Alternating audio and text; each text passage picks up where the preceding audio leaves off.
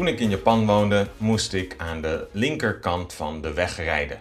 Omdat ze links rijden in Japan, net als bijvoorbeeld in Groot-Brittannië, Indonesië, Suriname, India en Australië en nog veel meer plaatsen. Linksrijden was over het algemeen geen groot probleem voor me, behalve wanneer ik snel moest reageren of in ongewone verkeerssituaties terechtkwam. Maar daarover zo meer. Eerst even snel de boodschappen. Welkom, welkom. Dit is de Dutch Today podcast en ik ben Martijn, Nederlands docent. Uh, ja, ik wilde zeggen docent Nederlands, Nederlands docent. Uh, ja, ik ben eigenlijk docent Nederlands, want een Nederlands docent is iemand die docent is en Nederlands is. Dan weten we dat ook weer. Uh, elke week spreek ik over een ander thema, rustig en verstaanbaar hoop ik. De transcriptie van de podcast kun je op mijn website vinden. Uh, volg me ook op Instagram en YouTube als je wilt. En laat een review achter op Spotify.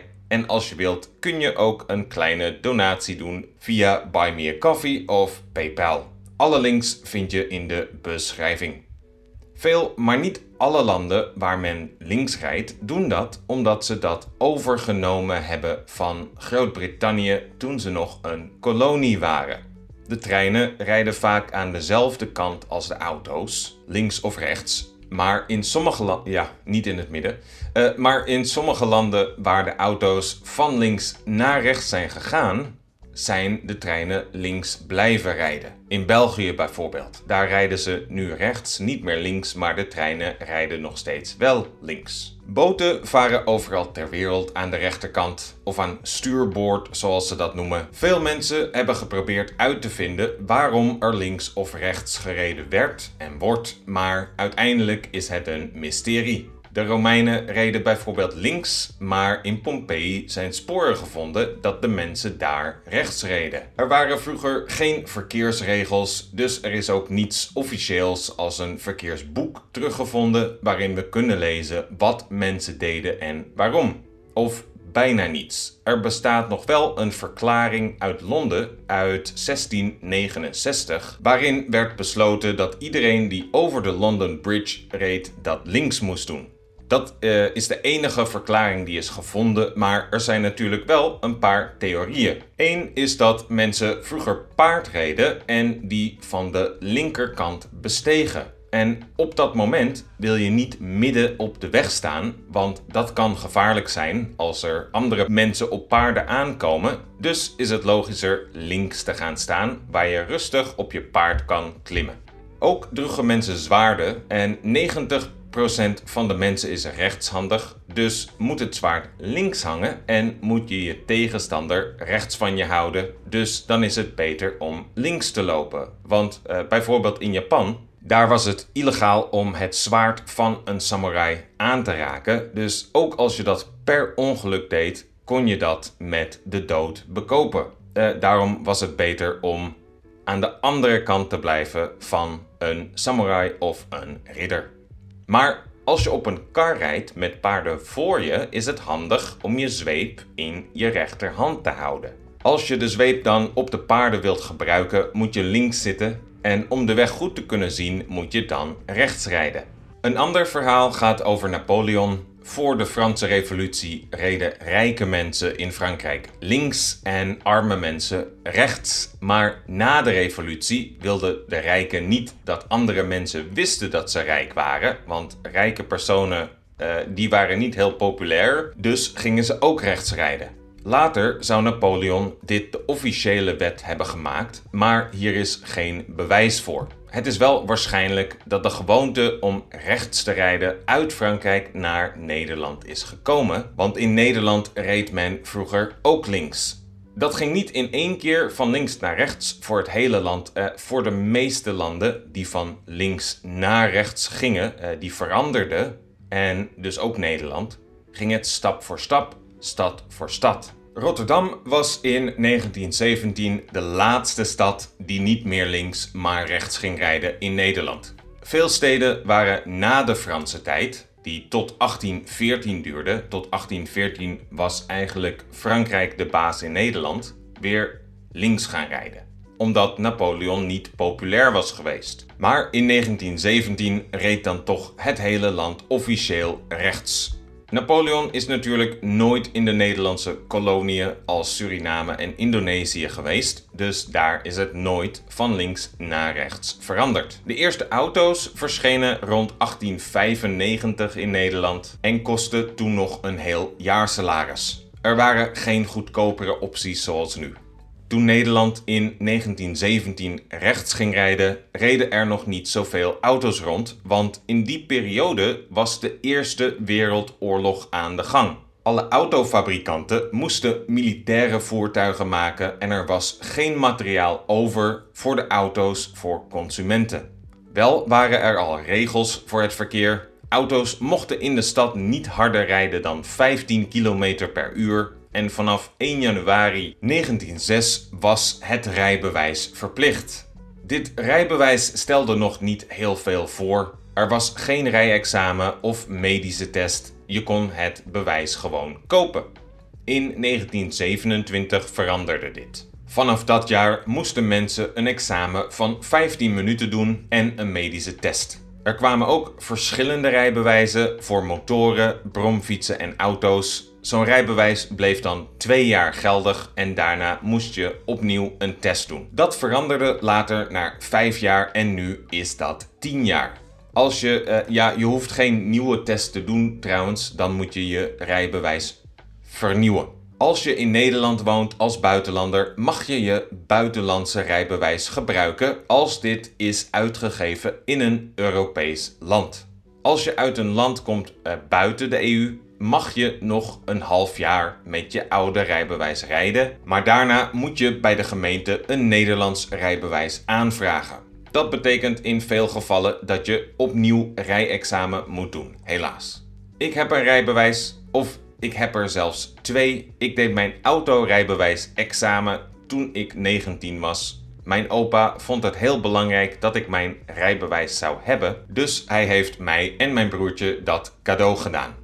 Ik heb een intensieve cursus gedaan in Alkmaar. 10 dagen lang elke dag 4 uur rijden en 4 uur achterin zitten bij een andere kandidaat. Mijn theorie haalde ik in één keer, maar ik zakte de eerste keer voor mijn praktijkexamen. Ik was namelijk stil gaan staan op de ring van Alkmaar, waar je 80 km per uur mag rijden. Dat was omdat ik niet goed keek en op de verkeerde plaats parkeerde, maar het was direct over. De tweede keer lukte het wel.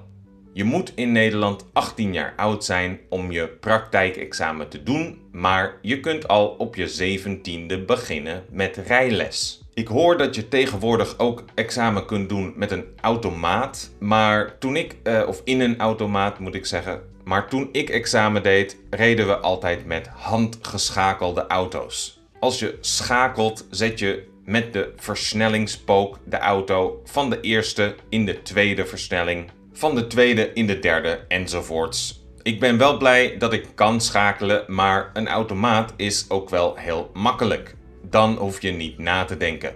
Uh, niet dat dit heel belangrijk voor mij is, want ik vond het fijn om een rijbewijs te hebben, maar ik heb nooit een auto gehad. Ik heb het ook nooit echt gewild. Wanneer ik een auto nodig heb, huur ik er een via een app. Dan ben ik voor een halve dag ongeveer 30 euro kwijt en dat is niet veel. Hoe ga ik dan naar mijn werk?